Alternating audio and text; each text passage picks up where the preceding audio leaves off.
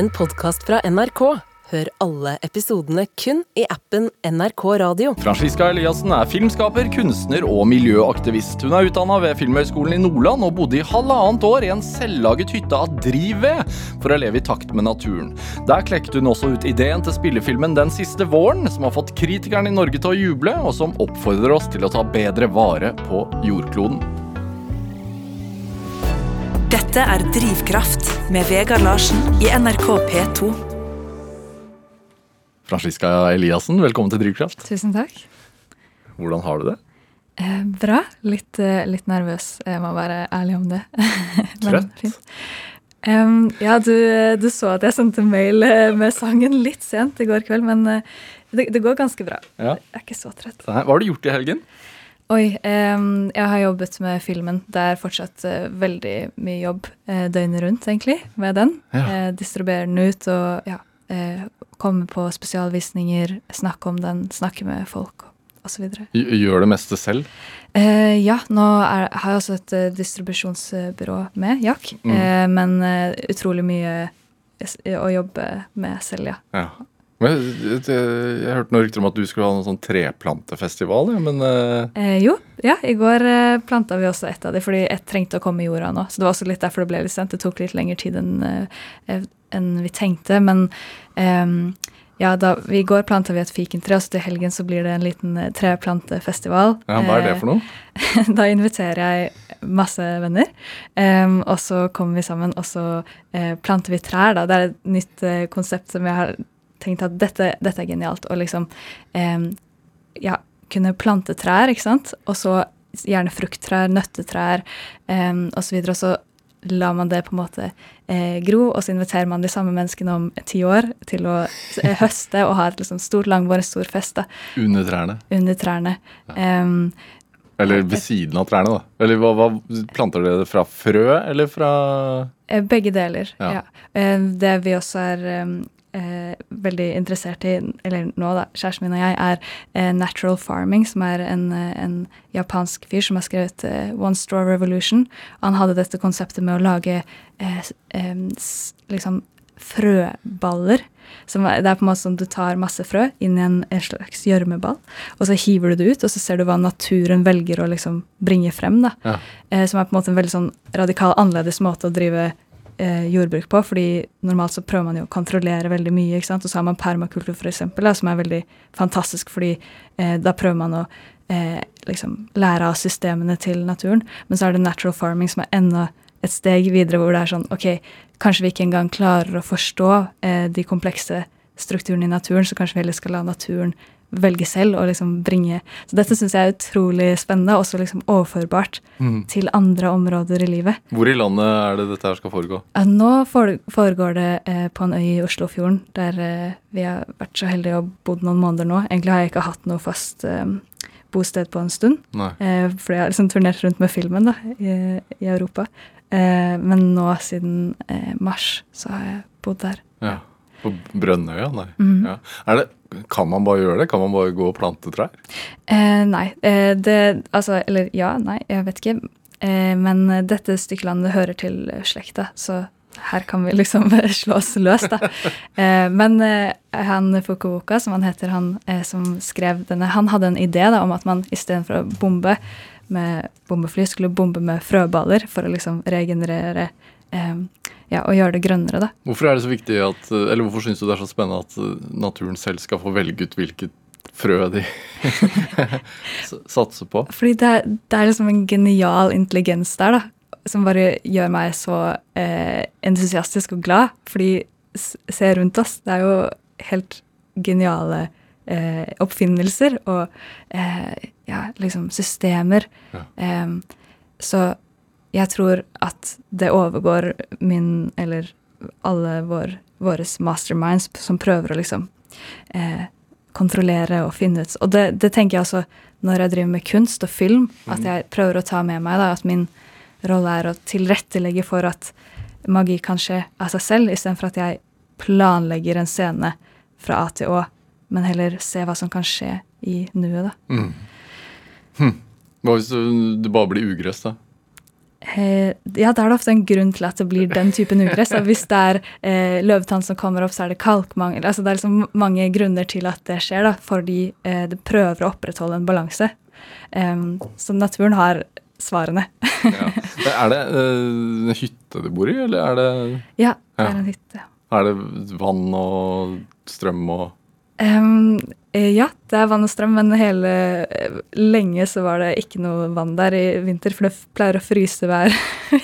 ja. um, så Hva gjorde du da? da? badet i sjøen, Ja. for eksempel, og smeltet snø. For en stund kunne vi ja, Som drikkevann? Som drikkevann? ja. Drikkevann, ja. Hvorfor er det tiltalende for deg å leve sånn? Em, jo mer eksponert man er, jo mer levende føler man seg også, da. I hvert fall når, når det er snakk om å være i naturen um, og liksom kjenne ja, kjenne eh, kulda, varmen. Jeg vil liksom være helt i livet, og da tror jeg ikke på å ha det for komfortabelt, egentlig. Har vi det, syns du? Uh, ja, kanskje. Ja. Um, men i lengden er det jo ikke komfortabelt, fordi jeg tror folk em, blir litt sånn numne, da. Er det, stemmer det at den hytta en gang var en trehytte? Ja, det var ikke akkurat den som ble flyttet ned på bakken, og nå er en Men det stemmer at, eh, at eh, det var en trehytte der em, som, eh, eh, som vi pleide å bo i da, fordi da hadde vi ikke fått lov til å bygge ennå. Em, ja. Familien bodde hva, hva, Men altså en trehytte, da ser jeg for meg noe som, som barn lager. Eh, ja, det var farfar som lagde Eh, Med oss, da. Ja. Hvordan så den ut? Eh, Det var på en måte en eh, platting, sånn, ja. Og så em, var det på en måte sånn stort grønt telt over med liksom rammeverk. Mhm. Ja.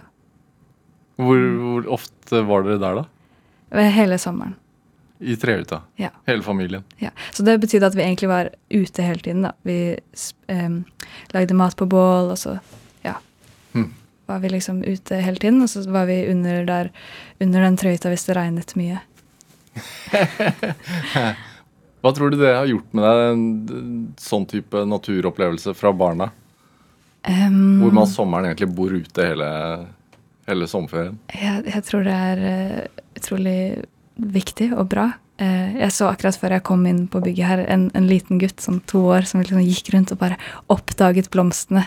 Og åh, det bare Ja, det gjør meg så glad. Da. Jeg tenker liksom Ja, det er jo utrolig spennende og levende å liksom kunne ha den um, entusiasmen og oppdage Altså, det er, det er så mye mer komplekst enn uh, et hvitt uh, rom med ja, 90 graders vinkler. Det er liksom Ja, det er derfor jeg også tror veldig på liksom, alt det organiske, alt det um, ja, kronglete, snirklete ja. Må du jobbe for å ivareta den entusiasmen? Nei, den, den er jo der hele tiden. Ah. Og uh, ja, det, det føles så riktig, da. Jeg tror vi er jo også organiske dyr. Altså liksom at eh, eh, noe Liksom at nesa mi er skeiv, det passer perfekt inn i naturen. Mens eh, når jeg er omgitt med helt sånne ja, eh, minimalistiske eh, hvite betong... Eh, ja, så, så er det sånn Oi, ja, det er ikke rart vi føler oss feil. Eller Det er ikke rart vi liksom eh, prøver å tilpasse oss noe som på en måte er unaturlig, tenker jeg da. Mm. Det at du bor i den hytta, som du, som du sa, at jeg vet ikke helt hvor, hvor bostedet mitt er. Hvor er jeg hjemme? Eh, Lofoten. Det er der jeg har bodd hele mitt voksne liv, så det er der jeg føler sånn ah, ja. I Ja. Gammen, kanskje. Det, det I, er gam, der jeg I Gammen? Ja. Ja, I din selvbygde Gamme i Lofoten. Det er hjemme. Ja, for det, det er der jeg har bodd eh, det lengste strekket, da, ett og et halvt år. Hmm. Ja. Dette er Drivkraft med Vegard Larsen i NRK P2. Og i dag er eh, filmskaper Franziska Eliassen her hos meg i Drivkraft på NRK P2. Det med, um, du er aktuell med filmen den siste våren. Um, går fremdeles på kinoer. Uh, og den tittelen Jeg leser en slags sånn dystopi i den. Altså at det er sånn en slags svanesang for naturen. Altså det er, det er den siste våren. Er det det du mener? Em, det er mange ting jeg mener med den tittelen. Um, det spiller litt på The Silent Spring, som var sånn virkelig viktig bok da, i miljøkampen. Ja, hva, hva slags bok er det? Um, det handler om at uh, når alle artene dør ut, så er det ikke noe lyder som høres om våren. Fuglesang, som nettopp var på radioen her, f.eks. Ja. Um, men det handler også om den eh, situasjonen disse to søstrene er i. da, At dette kanskje er siste våren de har sammen. Mm, For det handler om to søstre? Det handler om to søstre, ja. Ja. Mm. At det er den siste våren deres sammen? Kanskje? Ja. Men det må man nesten se filmen for å finne ut. Men, men den, den boka, altså at alle artene forsvinner, det er, en, det er jo en dystopi, det er jo en uh, veldig nifstanke. Mhm. Hvorfor er det inspirerende til å lage en spillefilm?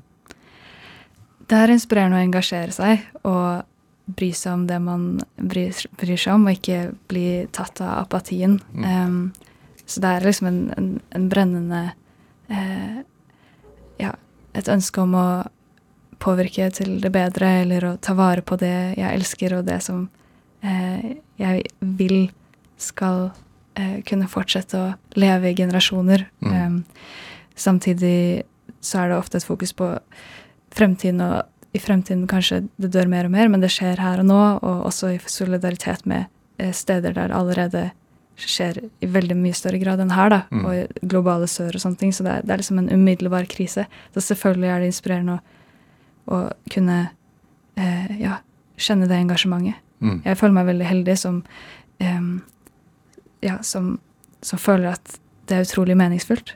Men filmen altså, handler jo om de to søstrene, og, og man ser den jo mest gjennom øynene på lillesøster, som observerer sin storesøster, som eh, er, er psykisk syk. syk. Eh, eh, ja.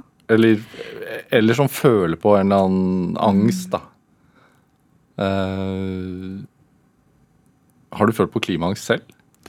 Altså, jeg er egentlig ikke noe glad i begrepet klimaangst, fordi jeg tenker det er en eksistensiell frykt mer. Altså, det, det handler Det er ikke en sånn ah, dette er en eh, diagnose vi kan gi noen eh, som føler på det her, fordi Som kan helbredes, liksom? Ja, eller som er liksom angst. Det er på en måte Det handler om vårt livsgrunnlag. Det handler om alt vi omgir oss med. Det, det handler om livet selv. Mm. Og å putte en sånn ja, en diagnose på det på en måte føles eh, som en slags undervurdering av situasjonen vi er i. Ansvarsfraskrivelse? Ja, eller sånn Å ja, ja, det er klimaangst, men det er jo å være opptatt av alt, liksom. Rettferdighet, eh, livsgrunnlag, eh, å, å kunne leve et, et greit liv. Og så, det er liksom. Så derfor blir jeg helt sånn ah, Ja, jeg skjønner at eh, folk bruker det eh, vil, hvilket ord ville du brukt da?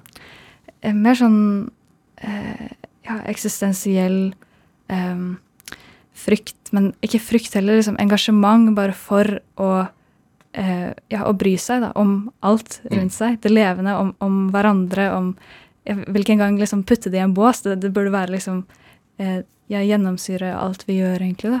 Fordi det er det viktigste. Når var første gang du følte, altså kjente den følelsen? Eh, Men det er ikke én følelse. Det er liksom Jeg, jeg kjente det da jeg eh, ba, svømte i sjøen hver sommer, at wow, fantastisk å være levende i, i elementene, havet, oi, og så finner man ut at ok, eh, det er utrolig mye forurensning her. Og så, så er det sånn, oi, ok, fjorden er i ferd med å dø. Det er liksom hele tiden den eh, dobbeltheten i at man, man, det man elsker, er i ferd med å forsvinne, kanskje, eller å endre seg til eh, noe som er mindre komplekst, og mindre fullt av liv, at det blir færre arter. Mm. Um, det er ikke bare en, en, et skifte, det er liksom Det er død, da. Mm. Var det noe Altså, du vokste opp i Asker, vet jeg. Var det noe dere var opptatt av hjemme? Um, jeg tror det er sånn eh, ganske på lik linje med alle andre. Ikke noe sånn at det var et sånn spesielt fokus, på en måte. Mm. Eh, ja. Hva med i skolen, da? Ja, jeg var litt heldig og eh, gikk på en ungdomsskole som hadde en eh, idrettslinje, hvor vi sov eh, de fleste at Det var liksom den skolen i Norge som hadde de fleste utenetter i året, så vi var mye på tur.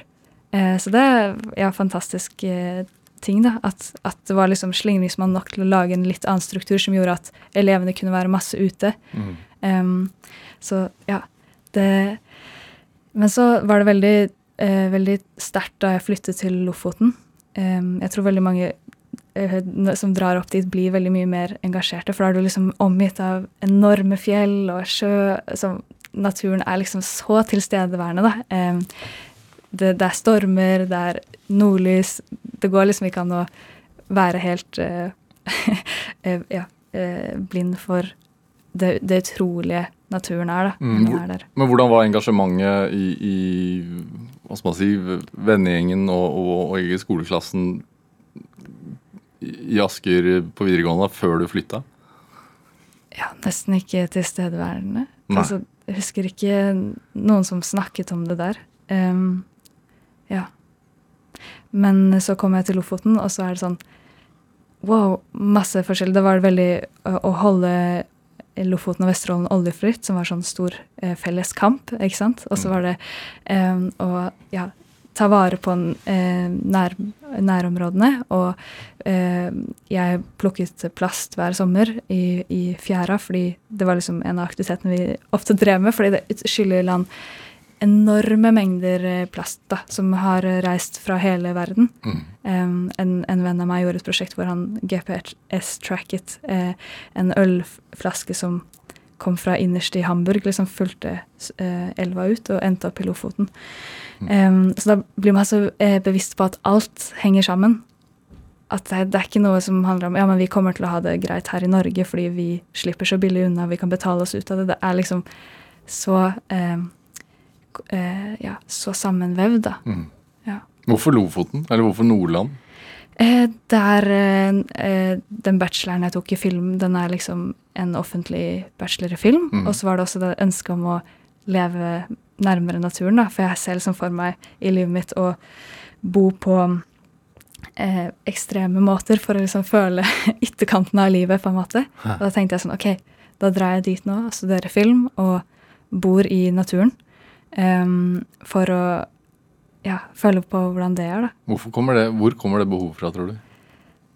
Um, jeg er sånn eventyrlyst, og det var mange grunner da, til at jeg ville bygge den jordhytta. Um, først var det at jeg bodde i et veldig sosialt kollektiv og følte at jeg ikke var nok med naturen. At jeg fortsatt liksom var ja, komfortabel innenfor de fire veggene. Så bodde jeg sosialt kollektiv hvor jeg egentlig var sånn Å, jeg vil være alene. Jeg vil, jeg vil bare eh, ja, kom, finne en slags sånn stillhet og ro. Mm. Så da flyttet jeg ut i telt, og så syntes jeg det var helt fantastisk. Hvor, hvor, eh, hvor, hvor lenge da? Um, Hva slags telt? Uh, ja, da kjøpte jeg et uh, tokvinnstelt på Mm. Finn, og Mm. bodde i det.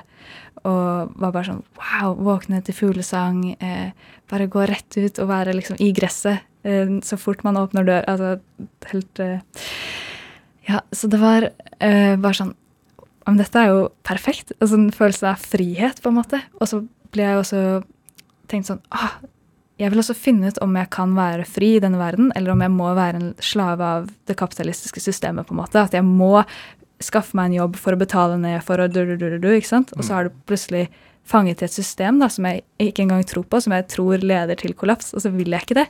Så det er sånn, Kan jeg bare flytte ut og være, eksistere på denne planeten uten å måtte ja, være liksom fanget i det systemet? da? Så flyttet i telt, dømstret all maten, altså falt i søpla til butikkene Mm. spiste som en dronning eh, i alle de årene. Um, og så bodde jeg i telt eh, da, Det var i mars, da. Det var fortsatt snø og sånn der oppe. Hvordan er det? Um, Jeg, jeg, bodde i jeg har bodd i telt i, i helgen. Eh, Ja. For første gang på Nice. seks år, faktisk. Mm. I Telemark. Og det var varmt på dagen, men det var, ble tre plussgrader da, jeg våknet midt på natta for det, av, av at det var kaldt. da. Mhm. Eh, og nå er det jo vår. Hvordan er det i mars i Lofoten? Kaldt på nesa. Snurper soveposen helt igjen, men så er det sånn Man må jo ha en liten pusteluke. Ja. blir alltid nesa veldig kald. men eh, ja, det, det gikk bra. Altså Stormkjøkken hver dag? eh, stormkjøkken, men også eh, hadde jeg en skole som hadde eh, kjøkken. Altså filmskolen. Ja. Så litt juks også, kanskje.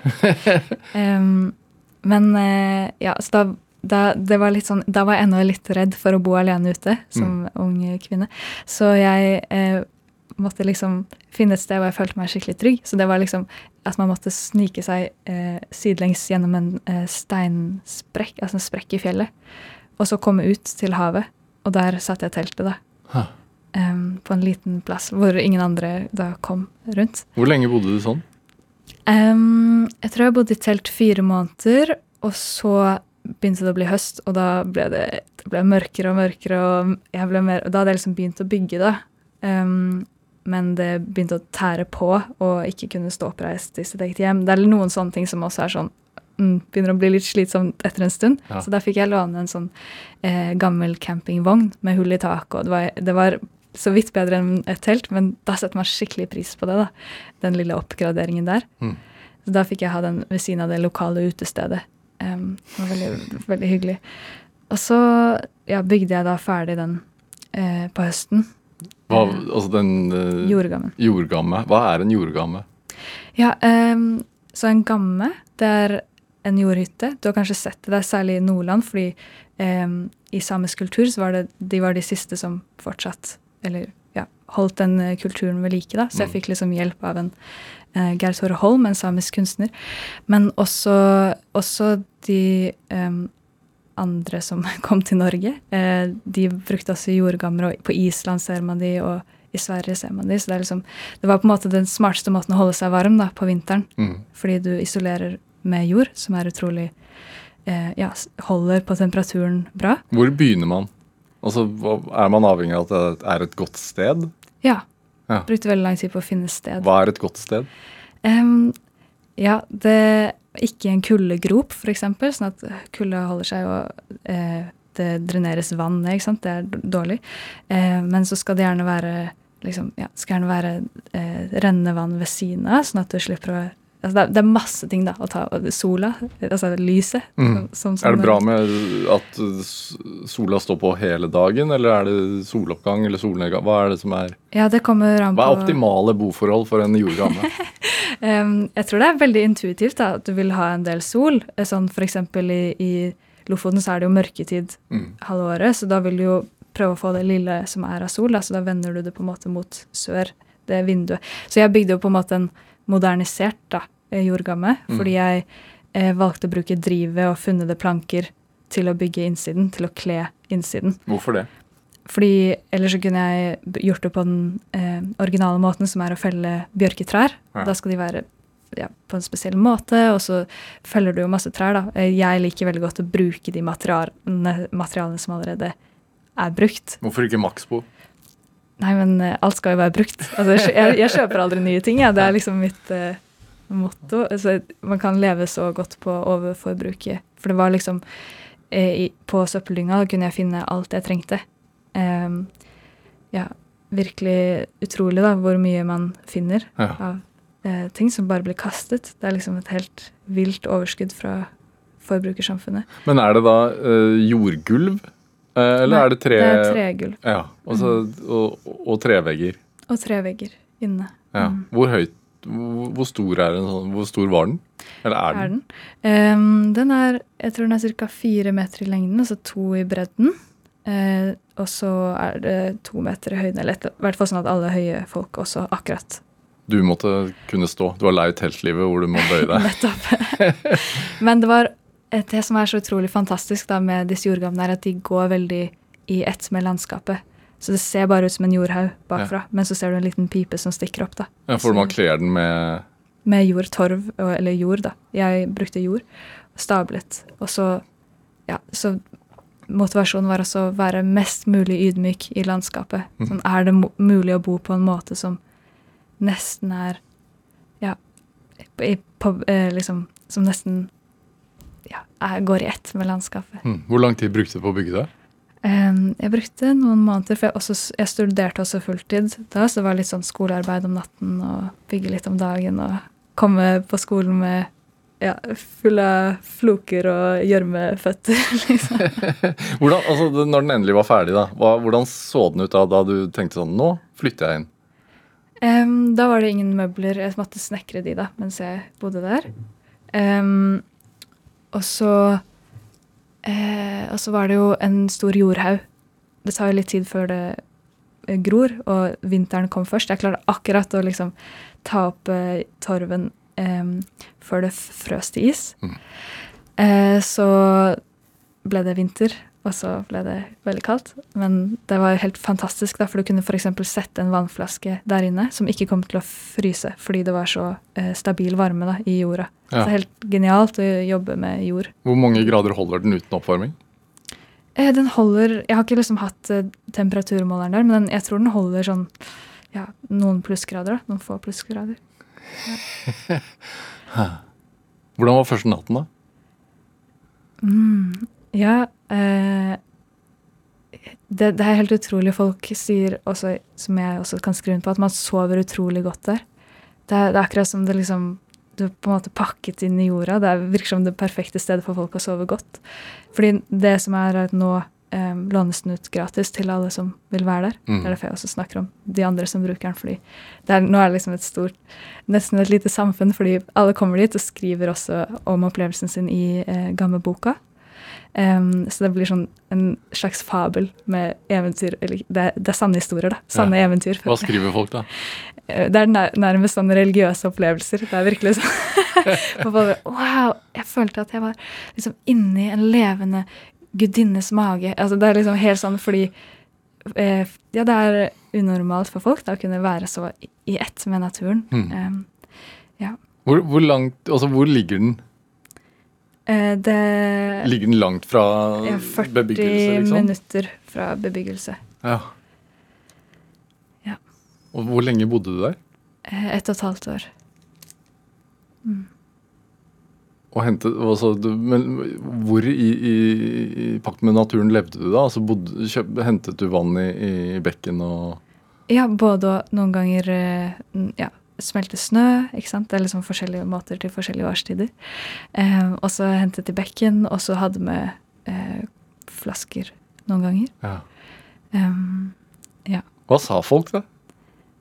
um, ja, altså først vil jeg egentlig gjøre det som en slags sånn aktivistisk handling, for jeg er veldig opptatt av hvem er det som får leie land. Mm. Da hadde jeg vært i, på Lesvos eh, og besøkt flyktningleiren Moria og blitt veldig sånn Wow, hvordan kan det ha seg at vi kan bo her og være så komfortable med å kalle dette landet vårt, bare fordi jeg har vært så heldig å være født her? Mm. Bare vunnet i Lotto, og så skal jeg liksom holde grensene lukket for folk som eh, er ofre for eh, ja, eh, tørke, eh, ledere som ikke klarer å forvalte landet og sånne ting. Det, det er så absurd for meg. så jeg var sånn, Dessuten så leste jeg at eh, kvinner eier eh, 1 av jordas overflate. For, for meg var det bare sånn Wow, dette er det ultimate maktsymbol, altså demonstrasjonen på makt. da. Mm. Tenkte ok, jeg skal ta oss tilbake et stykke land. Eller liksom gi det tilbake etter at jeg har bodd der. Um, men så, så det folk sa, var sånn Nei, du kommer bare til å få problemer. Eh, du Hvorfor må- trodde du det? ja, fordi det er jo ikke lov, da. Så da, og, da tenkte, og de sa sånn Du kan godt gjøre det, men du kommer jo bare til å måtte rive det. Så da overbeviste folk meg om å heller spørre litt, litt rundt, da. Mm. Og så møtte jeg eh, noen som jobbet i kommunen på bar, eh, og så sa de kom, kom på eh, kontoret vårt på mandag, og så snakker vi om det. Og så eh, fikk jeg en eh, liste til grunneierne, og så fikk jeg eh, møtte jeg en fyr som jobbet i hagen med rabarbraen sin. Dette er, dette er personen å spørre, fordi han, altså, han hadde, var en av de på listen. da. Og så snakket vi om det, så skjønte han greia. Fordi det, folk sier jo 'wow, det er crazy', men de sier også 'å, det har jeg også lyst til'. Å, så fantastisk eh, å være alene i naturen. Jeg tror mange av oss har den eh, lengselen også, da. Hva skjer med et menneske da, å være alene i naturen halvannet år? Nå gikk du jo på skole på, på dagen, og sånn, så du traff jo andre mennesker. Ja, men også i perioder så isolerte jeg meg der for å liksom virkelig kjenne hva det gjorde med meg. da. Sånn f.eks. elleve dager i strekk uten å snakke med andre mennesker. Mm. På, da, da var det iskaldt. Eh, hele gammen var liksom ja, en snøhule, basically, men holdt bra på varmen der. Altså, jeg hadde en vel, eller jeg har en veldig eh, overdimensjonert eh, ovn også, så det blir eh, en badstue der inne. Virkelig. Um, og da kom jeg til et slags sånn nullpunkt i meg selv. Følte at, eh, at jeg på en måte hadde en, en helt sånn ro. Eh, at jeg kunne se bakenfor alt, på en måte. Det var, det var veldig spesielt. Det må, fortell, hva betyr det? Mm, bare at det var en sånn, et, et sånn helt stille vann. Så derfor var det liksom virkelig plass til å ta inn alle inntrykk. da. Em, for de som har vært på Vipassana eller noe sånt, jeg tror de relaterer til det. At man liksom blir helt sånn uh, ja, åpen, men stille, til stede. En slags meditasjon? Ja. Ja. Um, ja, det, det kan jeg absolutt anbefale. Å bare stoppe helt opp. Jeg tror veldig på det. da, At, at å tørre å være helt stille alene med seg selv lenge. ja. Det er slags å gå i kloster, da, på en måte. Ja. Er det, er det ehm, hadde, du altså, hadde du med noen bøker, eller hørte du på musikk, eller? Eh, jeg tror ikke jeg hørte på musikk akkurat den gangen, men ofte gjorde jeg det. Ja. Men det er jo ikke strøm der, så man må være, da må man rasjonere ut.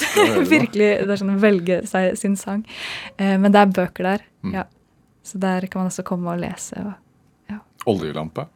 oljelampe Ja. er der. Ja. Det lukter godt, da. Eh, Francisca Eliassen, vi skal spille litt musikk, da. Eh, du har med en låt eh, hit til oss også. 'Why May I Not Go Out and Climb The Trees'. En fyr som heter Daniel Nordgren. Hva er det her for noe? Um, veldig glad i Daniel Nordgren. Jeg må innrømme at det var utrolig vanskelig å velge én sang. Det var virkelig sånn det her, det her, det her. Så gikk jeg for den litt, sånn enkle, men veldig um, Ja, det, jeg syns han er helt fantastisk, da. Em, og så så jeg at han ikke hadde så mange Altså, han er ikke så kjent i Norge ennå, så tenkte jeg åh, jeg må bringe han til Ja. Men hva er det med den låten, da? Den snakker om dette ønsket om å være nær naturen for meg, da. Uh, og denne liksom intuitive, barnslige gleden. uh, og så uh, ja, den um, Nei, dette kan du ikke gjøre, stemmen som, som kommer inn, da. Så jeg stemmer litt for å være liksom den eh, Bære på den naiviteten og barnsligheten og gleden over det levende, fordi jeg tror det er så viktig for oss.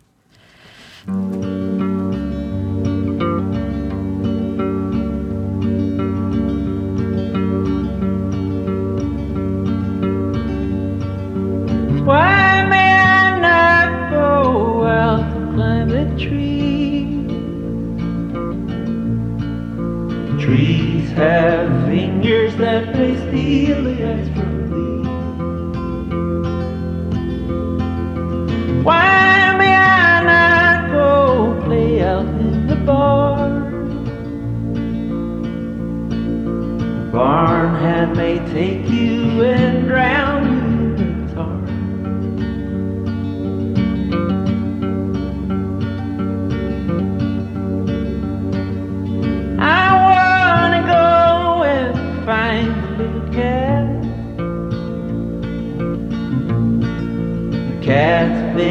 been found and taken by the rats.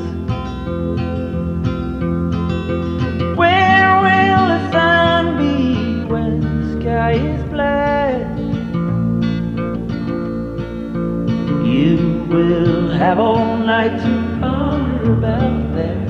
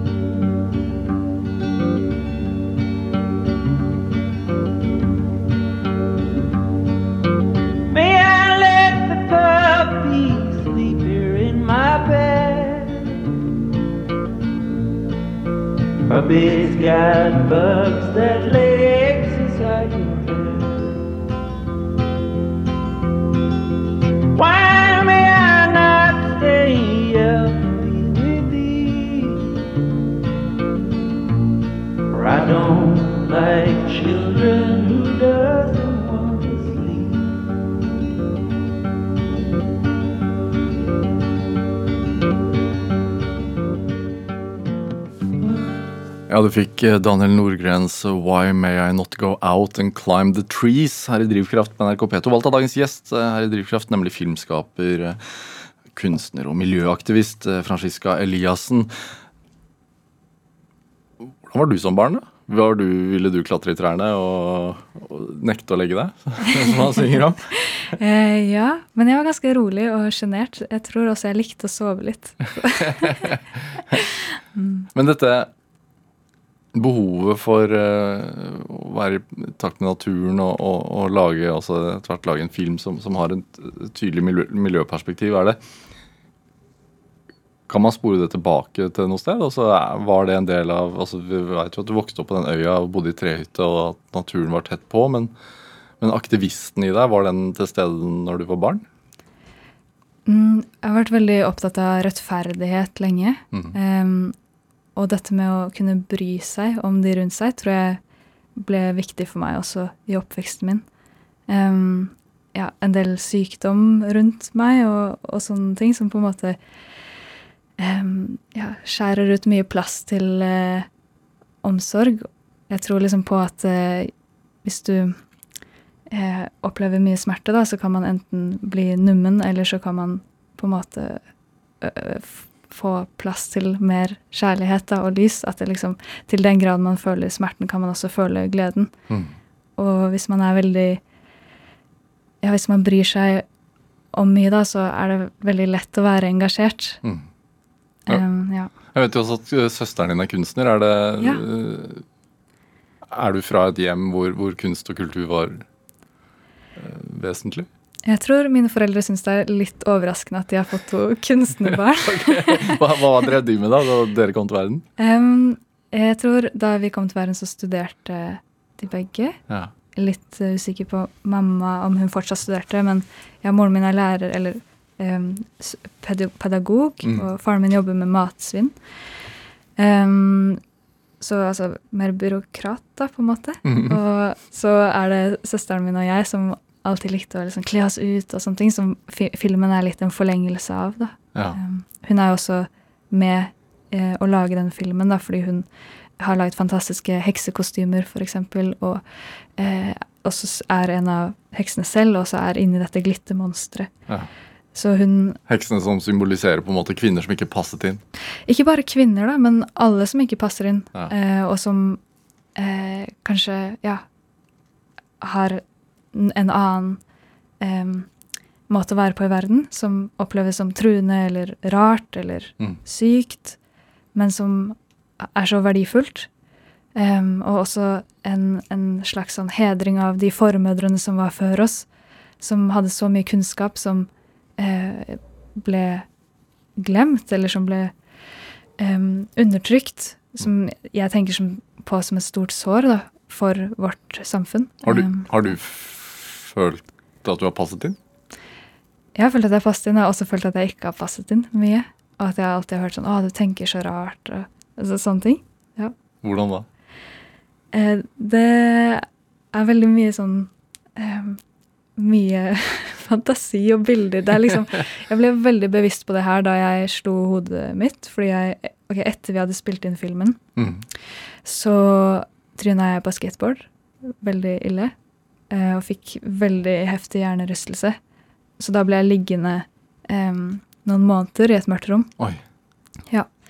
Eh, og kunne ikke være på skjerm ett og et halvt år nesten, fordi jeg var så Og da blir man jo for det første en alien i vårt samfunn, som er så basert på skjerm. Ja. Men også uh, var bare i et sånt smertehelvete, egentlig. Mm. Um, og var da i et mørkt rom som er veldig omdiskutert hva man egentlig trenger, men, men for meg da var det liksom Jeg hørte at man ikke skulle ha så mye inntrykk, og det var også veldig intuitivt fordi eh, fordi jeg ble så utrolig sensitiv for lyd og lys. Mm. At eh, og bare jeg reiste meg, så kjennes det ut som å være på en båt og være utrolig sjøsyk. Hm. sjøsyk. Så jeg bare lå der. Um, og da blir man jo utrolig observant på hva som skjer inni hjernen, for det er på en måte det siste Eller det, det er det man ligger med, da. Det var sånn Wow, det er jo liksom Eneste åtte man har. kino eh, Ja, det er eneste selskap man har, men jeg ble sånn, gikk på oppdagelsesferd rundt i min eget hode, på en måte. Hæ. Og så ble jeg veldig opptatt av å prøve å eh, liksom Ja, for da ble jeg sånn Det er jo helt vilt hvor mye som skjer der inne. Men det er også hos alle, da. Det er jo sånn evig strøm, i hvert fall for meg, av bilder, farger, musikk, radio. Det er liksom masse tracks. Um, og så ble jeg veldig opptatt av Wow, ja, jeg har vært mye i hodet. Det er jo på en måte det samfunnet vårt Oi. Em, em, eh, liksom, ja. Eh, Vi sitter jo på skolebenken 13 år av livet vårt, Mm. bruker hodet vårt. Mm. Og så er det sånn Wow, hva med resten av kroppen? Eh, jeg vil være til stede med alle sansene mine. Jeg ble veldig oppmerksom på alle sansene mine, da, siden de ble så utrolig forsterket. Og da, særlig når jeg skulle igjen komme tilbake til verden, etter å ha vært liksom tatt ut av tid og rom, føles det ut som, Mm. så var det å høre på radio igjen, f.eks. P2. Drivkraft hørte jeg også på.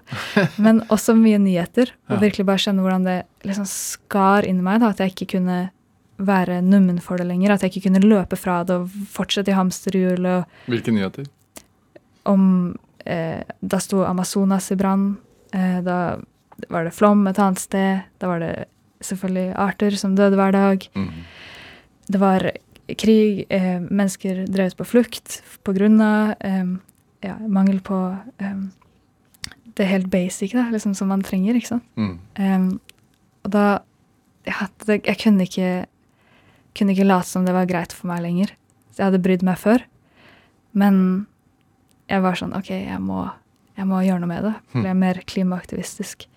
Men også veldig opptatt av at gjennom sansene våre så møter vi verden. Mm.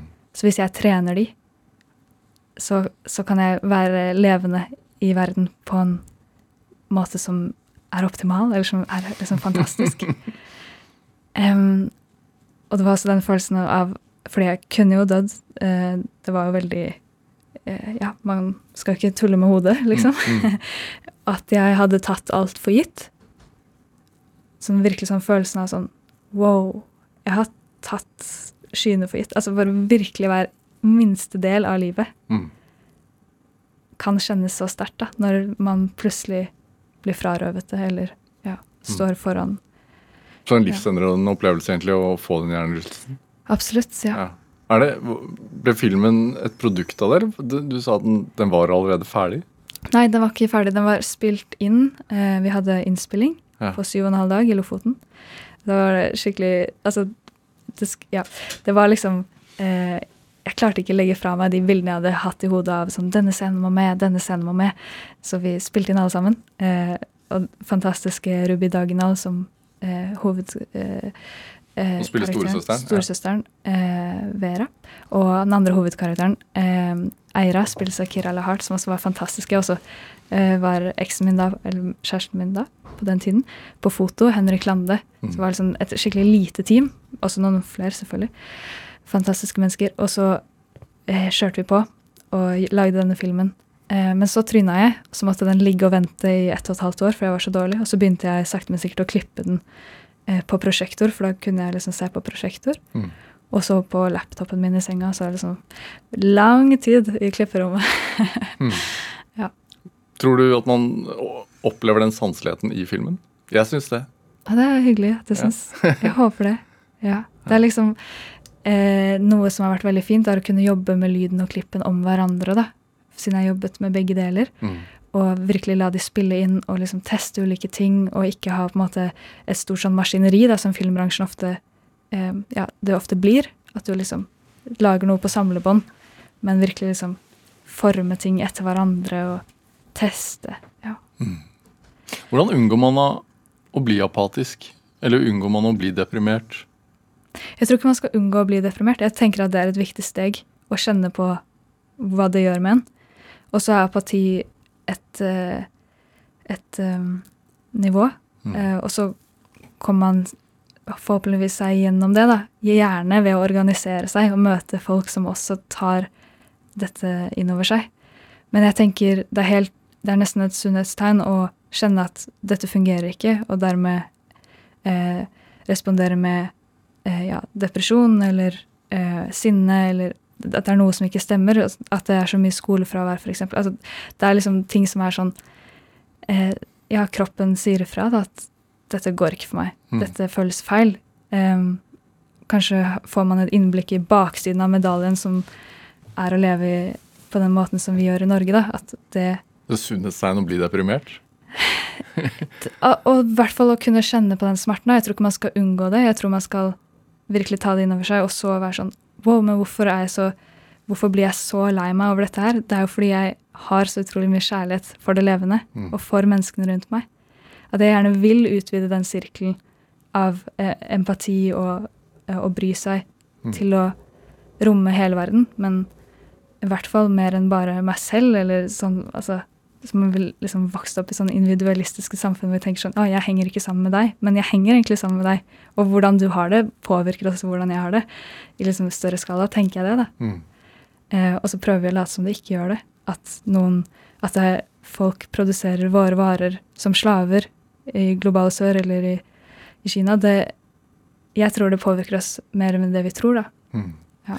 Den eh, sa så vidt at du var på sånn studietur til, eh, til Moria-leiren. Eh, da du gikk på, studerte på Nordland filmhøgskole, kunst- og filmhøgskole.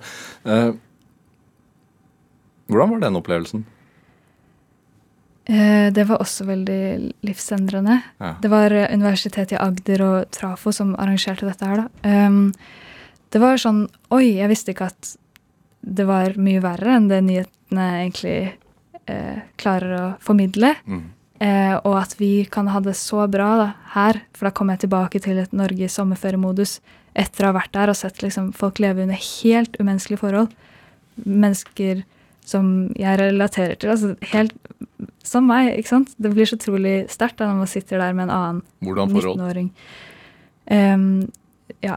eh, Drit over hele gulvet. Ikke noe eh, Ikke noe levende. En blomst som journalistene får lov til å filme. For du, ja, jeg kom dit med kamera, og da var det sånn Det kameraet må du gjemme så fort. Det kommer til å bli tatt fra deg hvis ikke du um, hvis ikke du, altså Det var en annen som fortalte meg det. da, Hvis en vakt hadde sett meg, så hadde det vært Mm. ikke greit. fordi vi, vi takler jo egentlig ikke å vite hvordan, hvordan det er der, og så får man noen innblikk. Eh, og da sa, hadde jo paven akkurat vært ute og sagt dette er vår tids konsentrasjonsleir. Og så sa de ja, men da paven var her, så stuet de bort halvparten av oss i busser for å liksom få det til å virke mer humant. Så liksom, det er realiteten. Mm. Da kan jeg ikke virkelig ha det bra, på en måte. Når, når det er så urettferdig. Da, jeg kan ha det bra om jeg prøver alt i min makt for å gjøre noe med det. Men du lagde en film derfra også, som ble Mm. tatt ut på Høstutstillingen i Oslo. Ja. Ehm, hvor du retta kamera mot dere som var der. Eh, mot meg selv. Fordi jeg kom eh, hjem med masse materiale hvor jeg hadde på en måte filmet eh, der nede, Mm. og folk, og intervjuet og sånne ting. Og så viste jeg det til de i klassen, og så var de sånn Ja, det triste er jo at vi har jo sett disse historiene før. Da var det også mye media, ikke sant? Mm. Med, eller i hvert fall en del. Ikke nok, kanskje. Em, det gjør ikke så mye med oss lenger. Vi er numne for det. Det er en av mange historier. Mm. Um, og så vendte jeg kameraet mot meg selv og, og liksom leste opp en sånn tekst som jeg hadde skrevet i dagboken min etter å ha vært der, hvor det var sånn Hvordan kan det ha seg at jeg kan leve så bra, at vi kan si at det ikke er plass her, at vi kan liksom Det er liksom Vi, vi lever så bra da her i Norge. Um, og når jeg liksom gjorde det veldig personlig, så traff det folk. da Det ble helt sånn stille i klasserommet, og folk var sånn Ja. Og da ja, fikk jeg tips om å sende den rundt, og så ble den vist mange steder. da. Mm. Det at den fikk oppmerksomhet, og det at, at uh, spillefilmen din og siste våren, som, som i utgangspunktet var en studentfilm som, du- mm. du har skrevet og klippet og produsert selv, uh, ble tatt ut til Locarno filmfestivalen, fikk en eh, sånn special mention der, var det ikke det? Ja, den har vunnet fire priser, Fire, faktisk. ja, eh, og fått massiv med kritikker. Men, men tror du at, tror du at eh, kunsten har noe slagkraft? Tror du det endrer noe? Føler du at det er um, ja, jeg tror god kunst Ja. kan gjøre det. Men god kunst for meg er ikke bare de i gallerirommet. Det er eh, f.eks. en fyr som har skrevet The Moneyless Manifesto, hvordan han klarer å leve uten penger et år. For meg er han en kunstner. Eller andre som liksom virkelig åpner opp nye rom, da. Um, og for meg er det liksom så sterkt hvis jeg hører på noe musikk eller eh, har en kunstopplevelse hvor jeg virkelig liksom ser et vindu over meg bli åpnet til noe helt sånn forbi denne verden, nesten. Eh, og da føler jeg sånn wow. Eh, en sånn utrolig rus, på en måte. Men også en sånn Om jeg ikke klarer å lage kunst eller noe på det nivået, så da er det noe i meg som er veldig lei seg. Jeg vil så gjerne klare å åpne de rommene og um, vise det sånn Wow, er det ikke helt magisk å være i live? Er ikke dette liksom alle disse komponentene av musikk og bilder og skjønnhet Men hva er idealsamfunnet, da? Ja, det er et veldig spennende spørsmål. Skal vi legge ut det? Det, det er gøy. Så når jeg, har, når jeg har eh, reist nå rundt med filmen, da, så jeg flyr ikke, så jeg, jeg er så heldig å reise med tog, og det gjør at ting går veldig sakte, men også at man får utrolig mange muligheter til eh, å liksom, ja, bli kjent med mennesker og besøke steder. Så jeg har vært eh, og besøkt eh, en del sånn økosamfunn rundt i Europa. Fordi jeg er jo systemkritisk, og når jeg sier det er sånn, ja, vi er systemet, så vi må endre oss. Eh, Vi er, i, vi er forbrukerne, vi er lederne og eh, jobbsøkerne. Altså, nei, de, jobb, arbeidstakerne og arbeidsgiverne. Altså, det er liksom vi som endrer oss, men eh, når det er så mye som er galt, mm. så tenker jeg ok, jeg vil gjerne vise at det går an å leve på en annen måte. Det går an for meg å ikke være avhengig av å kjøpe mat som har reist rundt hele kloden, eller som er pakket i plast, eller dyrket i monokultur. Hvis jeg dyrker maten min selv, eller hvis jeg eh, ja, klarer å liksom lage alternativsystemer. Men da må vi være flere, fordi hvis jeg skal gjøre alt selv, så blir jeg kun um, en som jobber med det på fulltid, for det krever utrolig mye å dyrke alt selv. Men hvis man da organiserer seg i et lite eh, fellesskap, det kan være klyngetun, som vi har tradisjon for her i Norge, det kan være liksom eh, ja, større bofellesskaper, så kan vi liksom lage de idealsamfunnene og vise sånn, men det går an Mhm. å tenke lokalt, men Nei, tenke globalt, men handle lokalt, og liksom klare å finne løsninger, da. Så det har vært så inspirerende å dra og se. Men hva, hva, hva tenker du hvis folk sier at ja, det er gode tanker, men det er jo ganske naivt?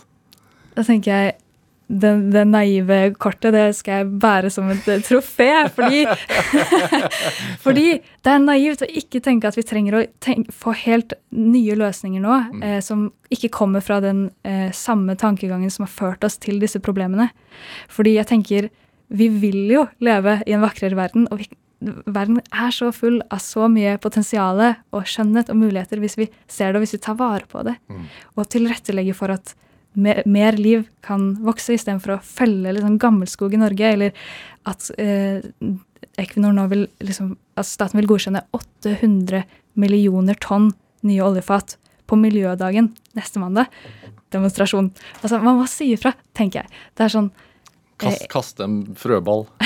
Nei, mange forskjellige måter i sine, på sine felt. At man sier fra at man er sånn Ja, men jeg, jeg kan gjøre en forskjell. Jeg tror vi betyr mer enn det vi tenker at vi gjør. da. Jeg har i hvert fall sett at de sakene jeg har engasjert meg i når jeg har vært i Repparfjord og demonstrert med masse andre, eh, folk fra NU f.eks., eller er med Extinction Rebellion eller er i forskjellige organisasjoner, så klarer man å få små gjennomslag. Og i hvert fall si ifra. Tenk på alle de som ikke sa ifra når liksom, kvinner ikke hadde stemmerett, f.eks. Så kommer det liksom noen og virkelig står på barrikadene, og så er det sånn helt selvsagt for oss nå å nyte av de godene uten å måtte tenke at vi kan også gjøre en forskjell. Jeg vil gjøre en forskjell. Men tror du på en god fremtid, da? Om jeg tror på en fremtid? På en god fremtid, ja. Ja. Jeg tenker vi ikke har råd til å ikke være optimistiske, fordi hvis vi tenker det er ikke noe vits å prøve, ja. så skjer det i hvert fall ingenting. Og det er ikke sånn svart-hvitt, enten går det til helvete eller så går det bra. Det er sånn ja, men da skal jeg pushe det litt i riktig, riktig retning, da. Sånn som med kunsten. det er sånn, Kanskje kan vi ikke endre alt, men kanskje vi, kan vi endre noe. At alle tar liksom små ansvar rundt omkring. Da, da, da tror jeg på endringer, da, på typepunkter som skjer også i sosiale sammenhenger. ja. Hva, hva bør man gjøre, da? Så mye forskjellig. Ta utgangspunkt i det du brenner for. Det tenker jeg er det liksom sunneste at man ser sånn Men dette, om det er fuglesang, som han fyren før her, eller om det er at man engasjerer seg liksom der man kjenner det brenner for en selv, da. Men å i hvert fall åpne opp for at å bry seg om, om flere, og det, det som ikke, de som ikke er mennesker også, naturen og det andre levende, det tror jeg veldig på. da. Hva, hva, du, du bor på den hytta nå, men blir det ny jord gammel noe sted, eller? Eh, nei, nå har jeg gjort det, og den, den lever i beste velgående. Og det, jeg er så fornøyd med det, men så er det andre prosjekter. Nå, nå holder jeg f.eks. på med Future Maps, som handler litt om det vi har snakket om nå. Hvor jeg inviterer folk legger ut store baksiden av store kart. Sånn store, du vet sånn som man har på skole. Skolekart. Ja. snur de rundt. For det er veldig interessant med kart. da. Det er liksom så fullt av grenser og sånne ting, men hvis vi snur de og lager nye kart for fremtiden, så kan vi være liksom sammen, lage visjonene om den fremtiden vi faktisk har lyst til å leve i. da. Så jeg inviterer alle mulige folk, så sitter vi sammen og diskuterer og maler og snakker. Franziska Eliassen, hva er drivkraften? Kjærligheten for det levende. Og få til en vakrere verden, som jeg tror er mulig. Ja. Det er fint. Tusen takk for at du kom til Drivkraft. Takk selv. Hør eh, flere samtaler i Drivkraft på nrk.no eller i appen NRK Radio. Send oss ris eller ros, og også gjerne tips til mennesker som du mener har drivkraft. Eh, Send en e-post til drivkraft.krøllalfa.nrk.no. Vi hører veldig gjerne fra deg. Produsent i dag det var Kjartan Aarsand, mens Anne Hoff eh, bidro med research til denne sendingen. Men dette, dette var Drivkraft. Jeg heter Vega Larsen. Vi høres. Du har hørt en podkast fra NRK. Hør alle episodene kun i appen NRK Radio.